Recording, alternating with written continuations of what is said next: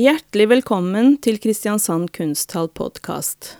Jeg heter Cecilie Nissen og er leder av Kunsthallen. I dag skal vi snakke om utstillingen Game of Life, Prospektkabinettet. Game of Life er en utstillingsserie i fire deler som er kuratert av Jan Freuchen og Sigurd Tenningen.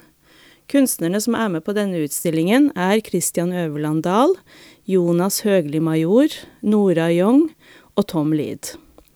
Nå skal du få høre Jan Freuchen og Jonas Høgli Major og meg i en samtale som er ledet av forfatter Miriam Christensen.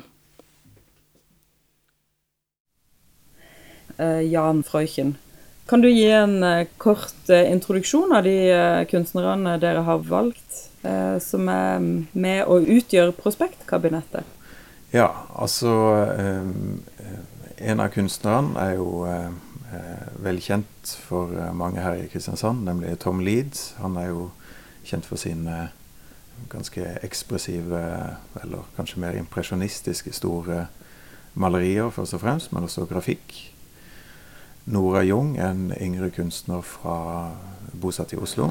Eh, hun eh, er med i utstillinga med det som hun kaller for eh, tableau vivants, eller eh, levende tablåer, hvor hun da setter opp forskjellige forskjellige skulpturer og figurer, og lyssetter disse med eh, levende bilder. Og um, Christian Øverland Dahl, eh, en kunstner bosatt i Oslo, han har lagd forskjellige figurer som står rundt i lokalet.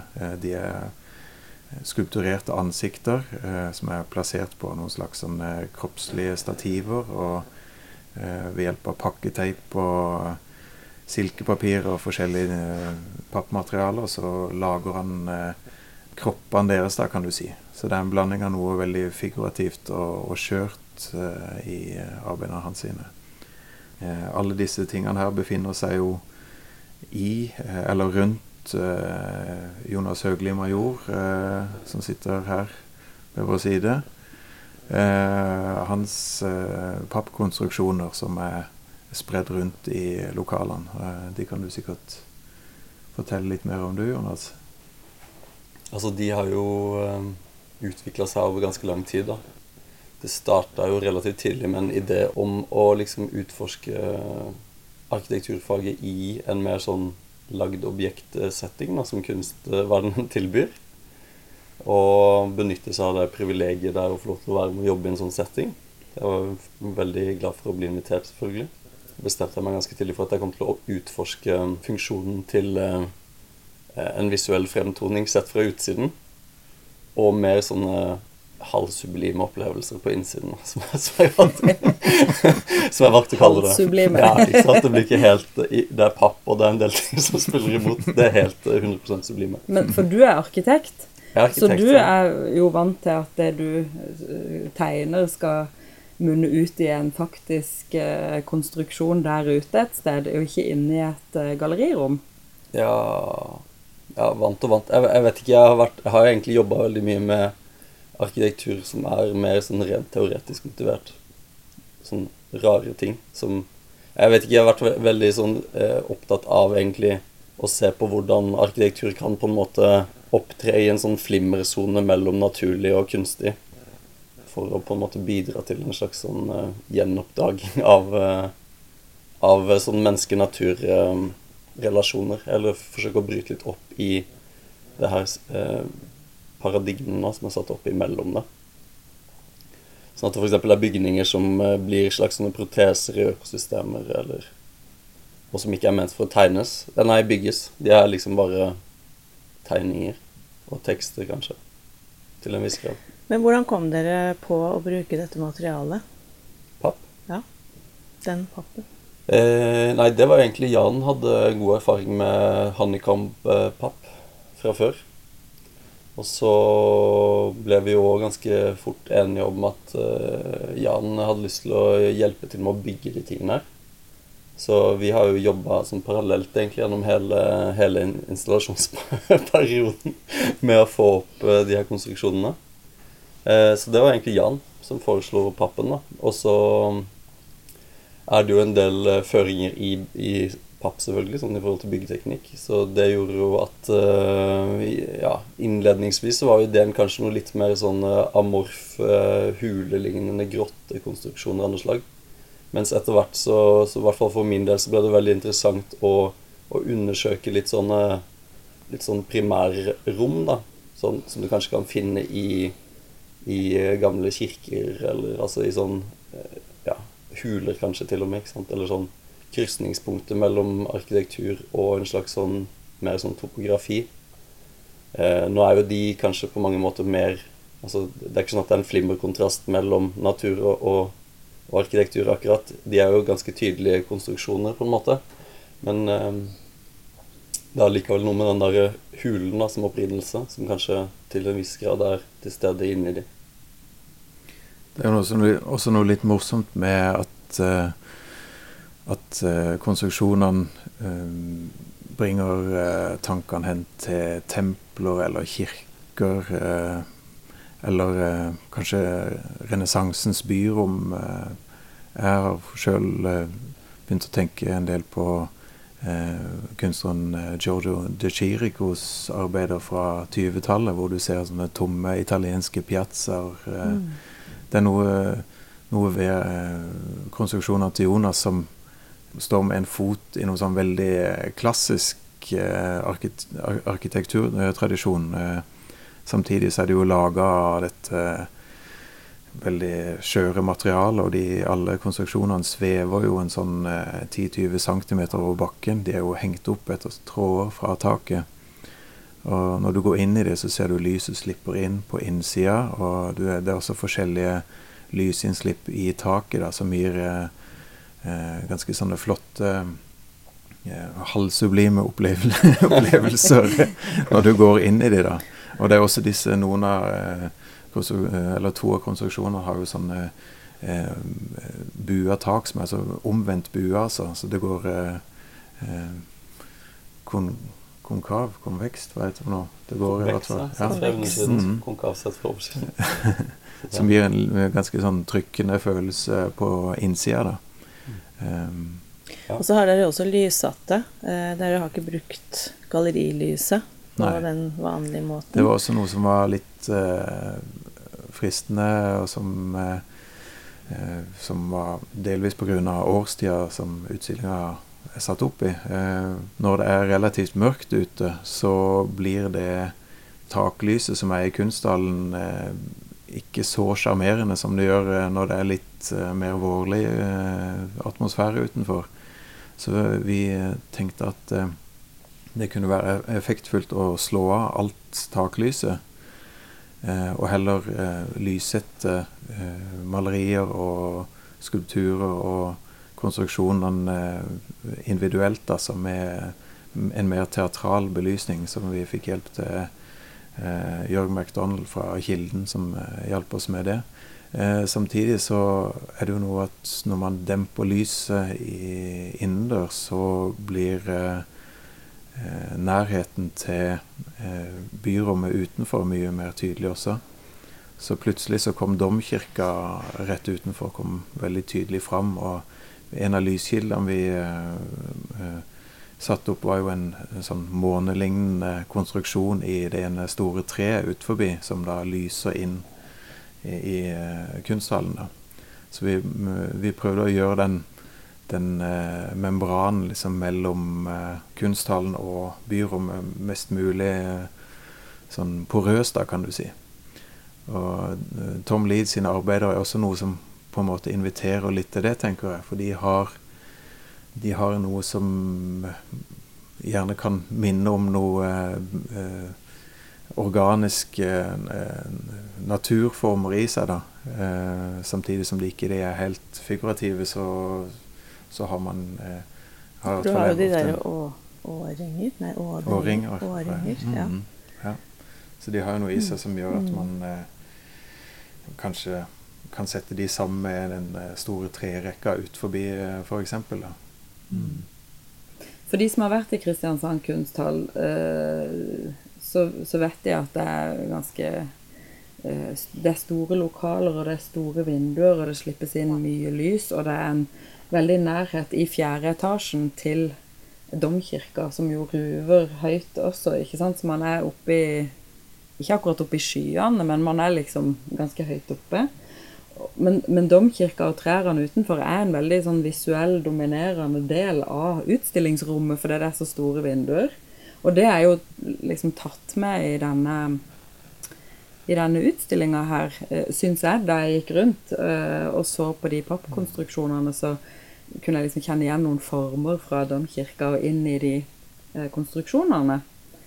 Var det Har du har du jobba med det altså, liksom bevisst? Vi snakka jo om det, og det var jo snakk om tidligere også, men det her altså litt mer sånn religiøs vinkling på det. Så, så det var nok kanskje sånn ideer også i de her hule kirke og og det var jo noe med Platons hulelignelser. Altså Det er mange ideer som har ligget og spint, da, men det, det, var ikke noe som var så veldig sånn utprega dratt inn, egentlig. Altså de, de her uh, formale assosiasjonene til de her kirkebyggene og sånne ting er jo Det er jo litt sånn Altså det, det er ikke noe eksakte kopier av noen historiske ornamenter, men det er sånn som alle leser på en måte som noe som skal se ut på en viss måte for å gi noen assosiasjoner. ikke sant? Sånn at, um, og det er jo den andre aspektet med de her um, folliene, da, som jeg har kalt de. Som er en sånn um, en bygningstradisjon uh, som, eh, som, var veldig, det var veldig stort på 1800-tallet, egentlig. I Storbritannia så bygde de ofte sånne romerske ruiner i hagene sine for å påberope seg en slags sånn kulturhistorie da, på sin egen tomt. ikke sant? Romerne hadde vært der og bygd et fantastisk tempel som hadde blitt en ruin. Og så betalte de uteliggere for å gå kledd ut som druider og drikke vin ikke sant? Sånn, rundt de her ruinene. Sånn. Så kunne de sitte og se på det hele ikke sant, utspille seg. Og det var jo også litt av ideen med de her konstruksjonene. altså Hvordan, hvordan skaper du en sånn eh, absurd virkelighet sånn eh, i litt sånn eh, kombinasjon av de her Folly-tradisjonen og sånne operakulisser hvor de ofte har overdrevne perspektiviske virkninger. Sånn at eh, alle de her eh, utskjæringene er jo på den ene siden så er de sånn de vekker assosiasjoner, eller de er sånn narrative strategier, på en måte. Men så er de òg brukt for å fordreie perspektivene, ved at de er på en måte eh, tegna med utgangspunkt i noen andre forsvinningspunkter som ikke fins. Og så er det på en måte putta et lys igjen altså, Så det er mange sånne De her rent visuelle kvalitetene er på en måte også strategi for å for å på en måte trekke folk inn i de her kunstige perspektivene som er uh, Sånn at det blir, uh, det blir mer da, enn bare ornamenter. Det blir på en måte et slags sånn visuelt lokkemiddel for å lese perspektivene. Hmm.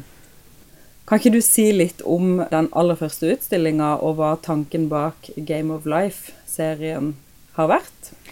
Jo, altså Den første utstillinga som var i 2012. Det var jo åpningsutstillinga til Kristiansand kunsthall. Og det gikk fra å være Kristiansand kunstforening til å bli Kristiansand kunsthall. Eh, og da eh, ble jeg invitert til å kuratere en utstilling. Og da tenkte jeg at jeg skulle ta utgangspunkt i rutenettet som eh, Kristiansand by er grunnlagt på. Og det slo meg at det var liksom en slags sånn øvelse som enhver kristiansandskunstner liksom og gjennom. Det er en slags sånn her eh, Jeg vet ikke om man skal kalle det en ildprøve, eller om det er en, eh, en slags uh, forpliktelse. Men Gjennom rutenettet? så i hvert fall så ble det et slags utgangspunkt, da. For det, vi var interessert i å se på hvordan rutenett er en sånn organiserende struktur, både innenfor byformat, men også innenfor eh, vitenskapen eller økonomien. Eh, tenkte jeg f.eks. Eh, regnskapsoppsett, eller også da spesielt som selvfølgelig var en hovedinteresse for, for meg, da, med hvordan rutenettet gjennom hele 20. århundre var, har vært kanskje selve grunnformen, kan du si, som svært mange kunstnere har forholdt seg til. Um, så det, liksom det Rutenett som et sånn organisatorisk prinsipp var en sånn uh, grunntanke her hele veien. Og uh, når jeg kikker på uh, hele 20. århundrets historie, og samtidig hadde et blikk på Kristiansand, så ble det også så meldte det seg disse bildene til Olaf Isaksen, som han malte i 1892. Han malte de rett etter den store bybrannen som var i 1892. og Olaf Isaksen var jo en av de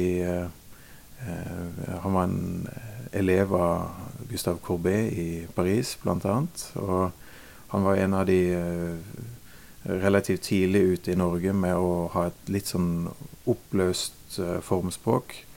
Uh, altså en sånn tidlig, tidlig uh, modernisme, kan man kanskje si. Hvor penselstrøkene liksom fikk lov til å være penselstrøk, og det var liksom ikke Altså, man, man gjorde ikke mye for å skjule mal, malingens egne kvaliteter, da, kan du si. Eh, samtidig så var det jo eh, Det som var litt spennende med de bildene, var jo liksom at eh, Kristiansand lå som et slags sånn nullpunkt da, eh, foran det århundret, århundre som skulle komme. Eh, og samtidig så ligger liksom rutenettet innbakt i maleriene hans sine. Men de ligger liksom eh, som en utsikt, da. Så det, det var en slags sånn en blanding mellom Eh, utsiktene til rutenettet som kunstnerisk prinsipp i det 20. århundre, men også liksom dette også et bilde på hele den store utviklinga som skulle skje gjennom hele eh, det samme århundret. da. Mm. Så det ble også da et, noe som var litt fristende å ta opp igjen da i denne siste utstillinga. For nå har det jo gått seks-syv år siden eh, den første utstillinga, og det har vært eh, eh, Dette er den fjerde utstillinga i, i, rekka, da. Så ja, derfor så hadde jeg lyst til å, å, introdusere, eller ta, ta, opp igjen noen tråder fra den første utstillinga for å lage en slags eh, innramming av hele serien, kan du si. Kanskje, vi kan kanskje ikke si en slutta sirkel, for det blir jo veldig feil i forhold til Det er jo en firkant. Den slutta firkant. Men det er, jo et, eh, det er jo referanser til den første utstillinga i denne utstillinga. I dette midtre rommet inne i kunsthallen hvor det ligger eh, mm. et eh, rutenett i, i, i støv. Mm. I ruiner, eller? Ja, altså det er jo Det er jo ikke støv, men det er jo sand, selvfølgelig. Da. Så ja. Jeg, jo, eh, jeg, sier jo aldri nei takk til en sånn skikkelig blødme. Så når det var en mulighet her til å lage et sånn et uh, rutenett uh, av sand, som da selvfølgelig Kristiansand uh, er fundert på, så, så ble Du kunne ikke du det? ja, ble det det? Veldig bra. Ja. Nei, men det, akkurat det rommet som du refererer til her, er jo liksom et slags eh, forsøk på, på, å gripe det eh, tidsspennet som, eh, som den utstillingsserien har dreid seg om. da. Nettopp med dette Isaksen-bildet som eh, eh, slår an tonen først. Og så eh, med dette rutenettet av sand og papp, strukturer som vokser opp, som du ser midt på gulvet. Og også Nora Jungs arbeid som ute på flanken her, som viser en litt sånn meditativ eh, video av hvor jeg zooma inn eh, på forskjellige bygningsarbeider, men med en sånn, en, eh, en sånn loop i bakgrunnen som gir en viss sånn lullende kvalitet. Og så snur man seg rundt, og så ser man på eh, Endre Aalrust sitt eh, bilde som han har kalt eh, 'Creative Class', hvor du ser to eh, sølvrever, som jeg kaller de, altså to personer. Et, formodentlig et ektepar på noen og 60 som eh, står med nyopererte neser og skuer utover et sånn kystlandskap med et seilbrett og en måke i bakgrunnen og diverse. Men de står samtidig og ser tilbake. De, eh, blikket deres er retta mot den her eh, Kristiansandsprospektet eh, som ligger i midten av gulvet, og så kikker de videre tilbake på Olaf Isaksen-bildet. Så eh, det er på en måte en en ganske sånn narrativ installasjon, på et vis, tenker jeg. Det, man kan i hvert fall lese den ganske sånn eh, som et sånn et eh, slags sånn framtidsscenario eh, hvor stigende hav og prospektøkonomiens vekst og den kreative økonomien da kommer sammen i en sånn en slags babylonsk struktur, da. det er litt humor eh, i, i, Eller det ligger en sånn slags fall potensial til humor der, da. Ja, det er klart. Det er, jo, det er jo ikke laga liksom som som noe en, entydig humoristisk eller alvorstungt. Men uh, jeg sikter alltid inn på det som påstår å være begge deler, da. Så det er jo klart mm. at det, det, ligger jo en viss sånn slapstick i det hele, samtidig som det er jo ingenting av enkeltelementene i det, den tankekonstruksjonen som er direkte feil eller overdrevne heller, kanskje. Så det befinner seg sånn midt imellom, da, tenker jeg. Mm. Mm. Men uh, Cecilie Nissen, du er jo leder i Kristiansand kunsthall. Og jeg tenker det er fint for deg å få inn en sånn utstilling som kommenterer byen. Ja, altså det har det jo vært med alle i hele serien. Det var jo det det begynte med da, vi, da jeg tok kontakt med Jan. Helt fra begynnelsen så var det jo det som var utgangspunktet. At, uh, at man skulle gjøre noe lokalt, men også kanskje løfte det inn i en større sammenheng. da. Og det var jo kanskje den første altså Det begynte jo med den første utstillingen som het Game of Life etter Rutenettet. Og så har det jo fortsatt videre i alle de andre også. Eh, men den der, altså, og den humoren som du kaller det, har jo vært med hele tiden på ulike måter, vil jeg si. Ja, vi har jo eh, fra kanskje første utstillinga hadde litt høye skuldre eh, med at eh, publikasjon som ledsaga utstillinga og tematikken eh, og sånn hadde det er klart det var jo lagt opp til en slags lek, i og med at utstillingens tittel var 'Game of Life' allerede fra starten av. Men det er klart at lekaspektet har jo liksom vært noe som har vokst underveis, da, tenker jeg. Mm. I den andre utstillinga så handla det jo om Vi gjorde en slags sånn der med at Sigurd kikka på eh, tilfeller av vandalisme på, mot offentlig kunst i Kristiansandsregionen de siste 30 årene, som eh, høres ut som en sånn traust eh, eh dokumentaroppgave, men eh, som viste seg å være ganske fruktbart og morsomt. da. Ja. Så vi fant, jo, vi fant jo ganske mye eh, både motstand og oppdrift i alle de der ganske komiske eksemplene eh, på hvor, eh, hvor liksom den folkelige aggresjonen for eh, bruke eh, skulpturen som, eh, som uttrykksform, kan du si. da, så Hvor det er et slags sånn ufrivillig samarbeid mellom kunstneren og, og, og horden som går løs på det.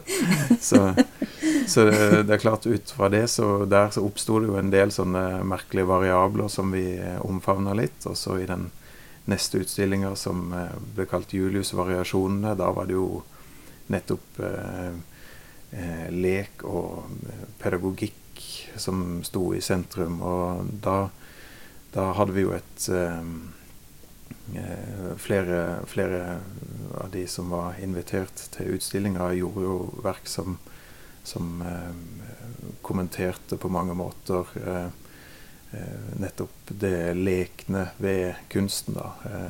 altså, jeg tenker spesielt på f.eks. Reto Pulfer sine arbeider, som, hvor han inkluderte masse sånn våpensamling han lagde da han var seks-syv år gammel, som han stilte ut sammen med nyere arbeider. da, og Hvor en kritiker som eh, anmeldte utstillinga, kommenterte at noe av det mest interessante med hans bidrag, det var at eh, han ikke hadde utvikla seg nevneverdig på de siste 30 årene. Men da blir jo også kommentarene og eh, kritikken av utstillingene blir liksom en del av hele ja, Game jo, of Life. Det har jo blitt det eh, veldig etter hvert, for det har jo hatt eh, mange av de Det har jo vært et sånn tiltagende polemikk i utstillinga, da, så det, det topper seg jo ved den Julius-variasjonen, hvor liksom tesen for den utstillinga var jo at alt som skjer innenfor eh, Kristiansands kulturliv, det har allerede skjedd i Dyreparken. Mm. Sånn at Dyreparken er en slags sånn inkubator for eh, eh kulturlivet i eh, Kvadraturen. Og dette var jo da uh, Dette var jo liksom bare to-tre måneder før Reidar Fuglestad, tidligere direktør ved Dyreparken, ble ansatt som ny direktør for Kunstsiloen. Og på samme dagen som utstillinga åpna, så, så inngikk Dyreparken og Kilden et sånn formelt samarbeid. Sånn at det er jo veldig mange ting der som var som lå veldig i lufta, da, men som plutselig fikk noen sånne helt sånne komiske sammentreff. da. Du vil kalle det et komisk sammentreff når Dyreparken og Kilden inngår? Det gikk troll i ord. Det gikk troll i ord. Det er veldig bra. Nei, men det var jo, eh, Tanken var jo liksom at det inngår i en sånn uh, større tendens da, som skjer mm. overalt. Uh, hvor uh, det kreves av kulturen at den skal oppfylle visse publikumsmål og underholdningskriterier og ting som som eh, i anførselstegn høykulturen tidligere var fritatt av, kan du si. Mm. I hvert fall på, eh, på, noen vis, da. Men, ja. eh, men, i hvert fall, dette var jo sånn et bakteppe for, for hele um, Dette var jo de utstillingene som skjedde var før denne her siste utstillinga, pros Prospektkabinettet. Uh, så vi var jo innom en uh, horde av forskjellige tematikker som vi vurderte å sikte oss inn på. For jeg husker jo det at i begynnelsen så lina vi jo opp mm. alle fire utstillingene på en måte. Altså at den skulle handle om det og den om det og den mm. om det. Og så har det jo forandra seg litt underveis, mm. akkurat det også. Sånn at det er jo det som jeg tenker litt som du var inne på først, det der med at og du beskriver det med at dere hadde høy, litt høye skuldre, litt høyere skuldre i den første, men at det, den var også kanskje mer knytta til konseptet. Mens mm. eh, de siste, i hvert fall, eh, syns jeg har frigjort seg, altså har vært mer i lekene, har frigjort seg kanskje mer fra eh, Altså de har ikke vært fullt så konseptuelle, kanskje. Mm. Er du enig i det, eller? Ja, nei, det er jo Det, det er noe eh, riktig i det. Det var jo eh, første utstillinga så var jo publikasjon og eh, utstilling veldig sånn eh, sammenknytta, mens de på andre utstillinger var litt mer eh, fristilt hverandre. Og så har det liksom gått eh, fram til at nå, eh, nå kommer jo den publikasjonen kommer først til neste år, da, sånn at de er liksom eh, Ja. Det er ikke noe som man tvinges til å lese eh, samtidig, eller opp mot hverandre, da, nødvendigvis. Mm. Det var jo en fortvilt kritiker som skrev på forrige utstilling eh, eh, og at når skal, eh, når skal eh, kunst, nei, kulturteorien slippe kunsten fri? Så selv om det var en, en kritikk som egentlig humra mer enn å ta meg nær, så er det jo egentlig faktisk litt det vi har forsøkt i denne utstillinga her. Mm. Altså. Mm. Men er denne utstillinga mindre politisk anlagt, eller er den uh, Altså, når du snakker om Dyreparken, og du plasserte deg liksom midt i ting som skjedde der og da, litt tilfeldig, da. Ja. Men også den om kunst i offentlig rom er jo nokså Den er jo litt sånn kunstpolitisk mm. eh, i anslaget, da. Mm. Eller mer kritisk til byen også, kanskje? Ja, i hvert fall så var denne utstillinga Vi vurderte jo liksom å lage en utstilling eh, som skulle handle om eh, kristendom og kapitalisme, rett og slett. Ja, For å slå på den store ja, stortromma. som eh, på en måte hadde vært eh, på sin plass, det. Men eh, etter hvert som eh, Da hadde de blitt jaga fra byen, tror jeg. Alle. Ja, det var jo planen var jo liksom å lage denne fjerde siste utstillinga, altså så pakke kofferten og dra. Ja. det er derfor den ble lagd litt som en rakett. Skyte seg sjøl ut i rommet i etterkant. ja. Men eh, i hvert fall så uh, Etter hvert etter disse tre utstillingene så kjente både meg og Sigurd litt på at det lå en sånn forventning om at vi skulle Eh, komme inn med et slags sånn der eh, polemisk eh, karatespark i finalen. Og så hadde vi ikke noe lyst til å følge opp den forventninga om at vi skulle komme ut og fortelle noe kritisk om hvordan ting var, og hvordan det burde være, for å si det sånn. da. Så vi, var vi mer frista å gå i en mer sånn eh, atmosfærisk og eh, spekulativ og mer sånn eh, eh, opplevelsesretta retning, da, kan du si. Mm. Så, og det var jo der eh, det veldig eh, tidlig meldte seg en sånn ønske om å eh, transformere utstillingslokalene eh, til en slags scenografisk opplevelse, da. Og da var jo Jonas et av navnene som kom på blokka ganske raskt. Hvordan valgte dere Altså har, har, dere liksom bestemt dere på forhånd for hvor mange kunstnere dere skal ha med? Eller er det litt sånn som bare vokser fram? Nei, altså det Det er jo ikke noe som er satt i antall eh, fra begynnelsen av. Men eh, den første utstillinga hadde vel kanskje 15 utstillere eller noe, tror jeg. Hvor mange? Mm. Mm, og den forrige hadde eh, tre. Mm. Og nå endte vi på fire, men det var litt sånn eh, betinga av forskjellige teknikker og materialiteter også. Jeg kan jo si litt om den eh, eh tittelen også, 'Prospektkabinettet'. Eh, for det i arbeidet med eh, å gjøre utstillinger, så eh, var det dette med eh, prospektet, altså ordet prospekt, som dukka opp veldig mange ganger. Og det har jo en litt det er jo litt um, artig med det ordet at det opprinnelig um, betyr uh, utsyn. Mens det senere ble brukt innenfor uh, sjangeren prospektmaleriet. Altså uh, de som har sett noen av de første bildene som er tegna av Kristiansand. vet at de kalles for prospekter, som er malt av hollandske eller britiske omreisende som, som har vært innom.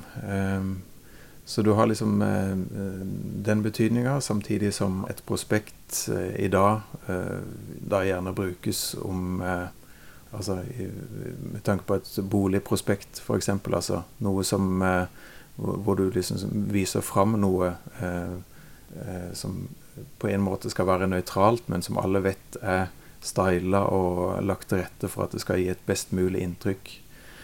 Og et fjerde aspekt ved dette er jo altså prospektøkonomien, som altså handler om eh, ikke hva noe eh, er verdt eh, rent materielt her og nå, men prospektet om hva det vil være verdt i fremtida. Så man har liksom den der eh, forbindelsen til eh, det å kikke på et landskap, men også det å liksom å skape en verdi i et landskap ved å gi det et bestemt sånn eh, estetisk perspektiv. da. Og det er jo noe som er veldig relevant i eh, de fleste byer, selvfølgelig, men uh, også i Kristiansand, hvor det nede ved Odderøya og i området rundt der foregår en sånn utstrakt bjørvikifisering, som man kan kalle det, hvor det bygges masse leilighetskomplekser som flankeres av tunge, store kulturinstitusjoner. Eh, og alt dette danner jo et slags sånn prospektkort, eller prospektkortblikket på byen, da, kan du si. Så det er jo liksom eh, ideen om at cruiseturisten eh har et sånn et eh, Gis et sånn pittoreskt eh, og fordelaktig blikk på byen når man først møter den, altså. Eh, og dette er jo eh, selvfølgelig Nå flyttes jo containerhavner containerhavna og det som er industri og den faktiske produksjonen, den settes jo på mindre iøynefallende steder. Og så brukes disse tomtene til å bygge opp leiligheter og den infrastrukturen jeg snakker om der. Så så det er jo litt det blikket der som vi har prøvd å ta med oss også. At det liksom kan være med som noe som man kan ha i bakhånd når man ser utstillinga, uten at det er spesifikt eh, en spesifikk kommentar, kan du si. Og kabinettet? Et kabinett, det er jo eh, På en måte kan det jo være et, eh, et Det kan være et skap hvor du har samla ulike ting, som i et raritetskabinett. Så vi tenkte jo på en måte at det var et slags eh, avlukke hvor man har samla ulike former for prospekter. Eh, samtidig så er jo et kabinett også et eh, brukes jo om et folkevalgt eh, eh forsamling. Eh, så det har, jo, det har i seg både liksom den derre Den demokratiske eh, sidestillinga av forskjellige eh, lynner og meninger, men det har også i seg eh, denne litt sånn ja, raritetskabinettperspektivet, eh, hvor du finner eh, kan finne helt uh, ulike materialiteter og tilhørende forskjellige epoker og utforminger. Da. Så litt sånn som enhver by nødvendigvis er, altså. Mm. Du er jo billedkunstner mm. i utgangspunktet. Ja. Eh, tror du det har noe betydning for hvordan du jobber som, altså med det kuratoriske?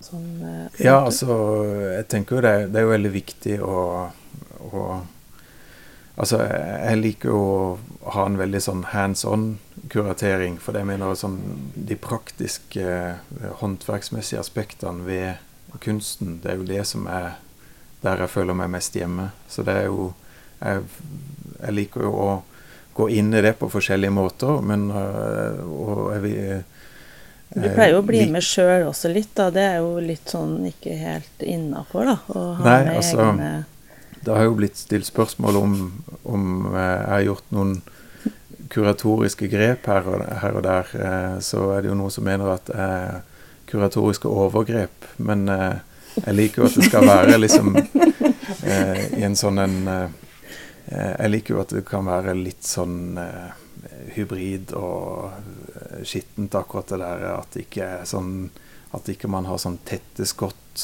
uh, mellom uh, Altså det ville være veldig kunstig for meg å gå inn i dette med en sånn en påstått ren teoretisk tilnærming også.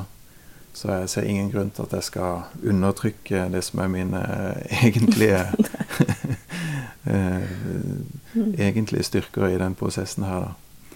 Men eh, når det er sagt, så eh, tror jeg det er veldig viktig å, å gi eh, hver kunstner eh, en høy grad av frihet. Altså, det er jo Nøkkelen til eh, god kuratering i mine øyne er jo å invitere folk som du stoler eh, på, og også vise at de har den tilliten. Sånn at du lar deres prosjekter ta de ta den veien som, som de eh, ønsker, og, og, som det utvikler seg. Altså, og ikke prøve å tvinge det inn på noe spor som man på forhånd hadde bestemt seg for det skulle eh, inn på. Og I den sammenheng så er jo eh, Jonas sitt verk eh, i, det høyeste grad et eksempel på det. Eh, det var jo Eh, på et kuratorisk overgrep? Nei, altså det, det er i det høyeste grad et eksempel på at det tar en annen retning enn det som jeg hadde sett for meg i begynnelsen. Og når, når, når det tar en helt annen retning, og man blir eh, positivt overraska, så er det jo ingenting som er bedre enn det. altså. Det er akkurat det som gjør at eh, utstillinger kan plutselig få en en særlig type energi som man ikke kunne helt eh, planlagt seg fram til. Og så likte du godt å jobbe med den pappen. Mm -hmm. jo, men jeg er helt enig. Jeg, men det er jo, jeg, jeg, tenker også det at, at man er involvert som kurator, gir jo en ekstra Altså Man kan jo sitte og være veldig redd for de tingene man har lagd, så man har en sånn klar idé om, om at uh, det må være akkurat sånn av en eller annen sånn personlig årsak, på en måte. Men uh, i hvert fall for min del så tenker jeg at uh, det er et ganske stort sprang fra teori til ferdig verk. Sånn at å få andre perspektiver på det er jo på en måte Det er noe det, er noe det bør tåle, da, tenker jeg. I hvert fall om mine egne ting. Og hvis jeg blir overbevist av noen andre som observerer det om et eller annet, så har de en slags sånn uhildret syn på det, som jeg i hvert fall har veldig stor respekt for. Um, så er det jo på en måte stimulerende sånn i forhold til å, å, tenke på ting. da. Man må, man må sette ord på hva, hva, man holder på med, eller ha i hvert fall et, være ærlig på at man er um, Kanskje jobber veldig intuitivt, da. Hvis man ikke liker å snakke om ting. Så så er det derfor, på en måte. Men, men det er alltid en grunn til, til, noe, tenker jeg. Så det å sette ord på det, eller, eller bare være bestemt på at man ikke vil sette ord på det eventuelt. Hvis man uh, møter en kurator, så vet jo at Eller Jan vil jo, som han sier, så har han veldig stor respekt for det folk holder på med, da. Og det så jeg jo veldig godt. Det er jo veldig Man merker jo veldig fort om i hvilken grad uh, utstilleren har lyst til å uh, spare, og uh, hvor mye de slipper meg eller medutstilleren inn på i sin mm. prosess. da, og det er jo også noe som Det er jo ikke noe vits å diskutere og krangle seg til mer innflytelse enn det folk gir deg uansett, mm. tenker jeg. Men det, da kommer det igjen tilbake til det med at at uh, hvis man stoler på at folk, uh, de som man har invitert, uh, er kunstnere med, ja, med, gode, solide kunstnerskap, så er jo ikke det noe å bekymre seg for. men når det er sagt, så var jo denne utstillinga noe som det, vi, meg og Sigurd tidlig oppfordra jo kunstneren til å se for seg at verkene kunne overlappe hverandre. Uh, vi ville ikke lage uh, sånn som vi hadde på forrige utstilling, hvor de tre kunstnerne befant seg i tre forskjellige deler av lokalet. Så tenkte vi i stedet at vi ville prøve å lage en sammenhengende installasjon. Og løsningen på å gjøre det uten at det ble en sånn en udifferensierbar grøt ut av det hele. Det var jo liksom det at vi uh, inviterte Jonas som arkitekt, som da lager en slags sånn en ja, et, et, slags sånn bygningsmessig rammeverk for utstillinga. Kristian eh, Dahl eh, sine skulpturer er jo menneskeskikkelser som eh, også er skulpturell, ikke sant? men har en helt annen fysisk og opplevd tilstedeværelse, da, i og med at det er menneskeskikkelser. Og Tom Leed sine verk de er jo plassert på veggene, og de får liksom lov til å være det eneste som er plassert gjennomgående på veggene rundt om i utstillingene. Mens eh, Nora sine eh, små tablåer av eh, objekter og levende bilder eh, igjen har en ganske annen materialitet. da. Så vi jobba tidlig ut ifra en sånn en slags uh, uh, idé om at vi skulle lage en akkord da, hvor hver kunstner liksom hadde sin stemme. Eh, så vi tenkte på det som en, en slags akkord. Men jeg så hun, anmelderen på Kunstkritikk nå mm. eh, korrigerte oss og mente det, var en, eh, det burde være, være, omtalt som en fuge heller. Så det, så. så, det, så.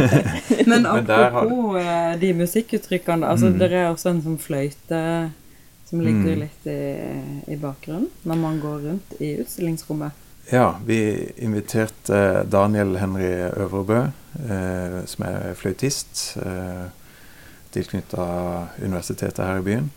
Vi inviterte han til å framføre et stykke. Eh, det skulle opprinnelig være et eh, Debussy-stykke, som han foreslo. Men eh, eh, det ble etter hvert til et eh, litt mer eksperimentelt nyere stykke, hvor um, det var 'Flying Lesson number, uh, number three' av Robert Dick, som er et uh, fløytestykke hvor um, han, bruk, er, han omtalt som et slags sånn register over alle mulige lyder som en tverrfløyte kan uh, lage.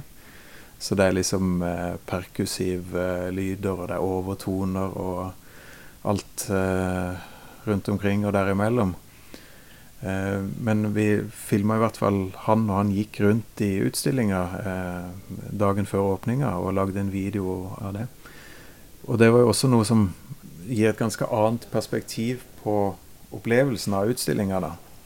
For når du i det øyeblikket man får introdusert noe eh, musikalsk til den ellers som ganske rendyrka visuelle opplevelsen, så fargelegger det jo eh, rommene på en helt bestemt eh, måte, da. Eh, så vi var litt frista til å, å se hvordan, hvordan, det ville Hvilket perspektiv det ville gi på opplevelsen av det hele. da. Og det Etter reaksjonene å dømme, så har jo det gitt utstillinga en en sånn framtoning som var på mange litt overraskende, tror jeg. Eh, det er jo, Vi snakka om det tidligere, litt sånn eh, eh, polemiske og slapstick-aktige ved de forrige utstillingene. Så hadde den så ga det utstillinga kanskje et litt mer sånn drømmende mm. og fysisk, fysisk, opplevelse, da. Mm. Poetisk, ja. ja jeg synes den er poe altså, den er jo den er veldig annerledes enn de andre utstillingene. Og jeg tror folk, altså, sånn som publikum, de tilbakemeldingene har fått også, er jo at folk har blitt veldig overraska. Altså positivt. Sånn Wow. Dette var helt annerledes enn de hadde mm. forventet, eller mm. Ja.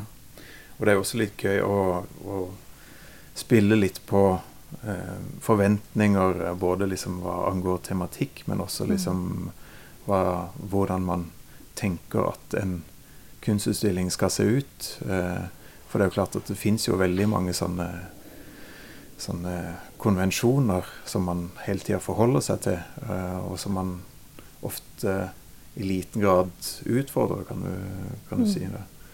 Så vi prøvde jo i denne utstillinga her å, å, å, tenke litt sånn kontrært, både, både, med tanke på tematikk, men også liksom hvordan selve opplevelsen av uh, utstillinga kunne være. da.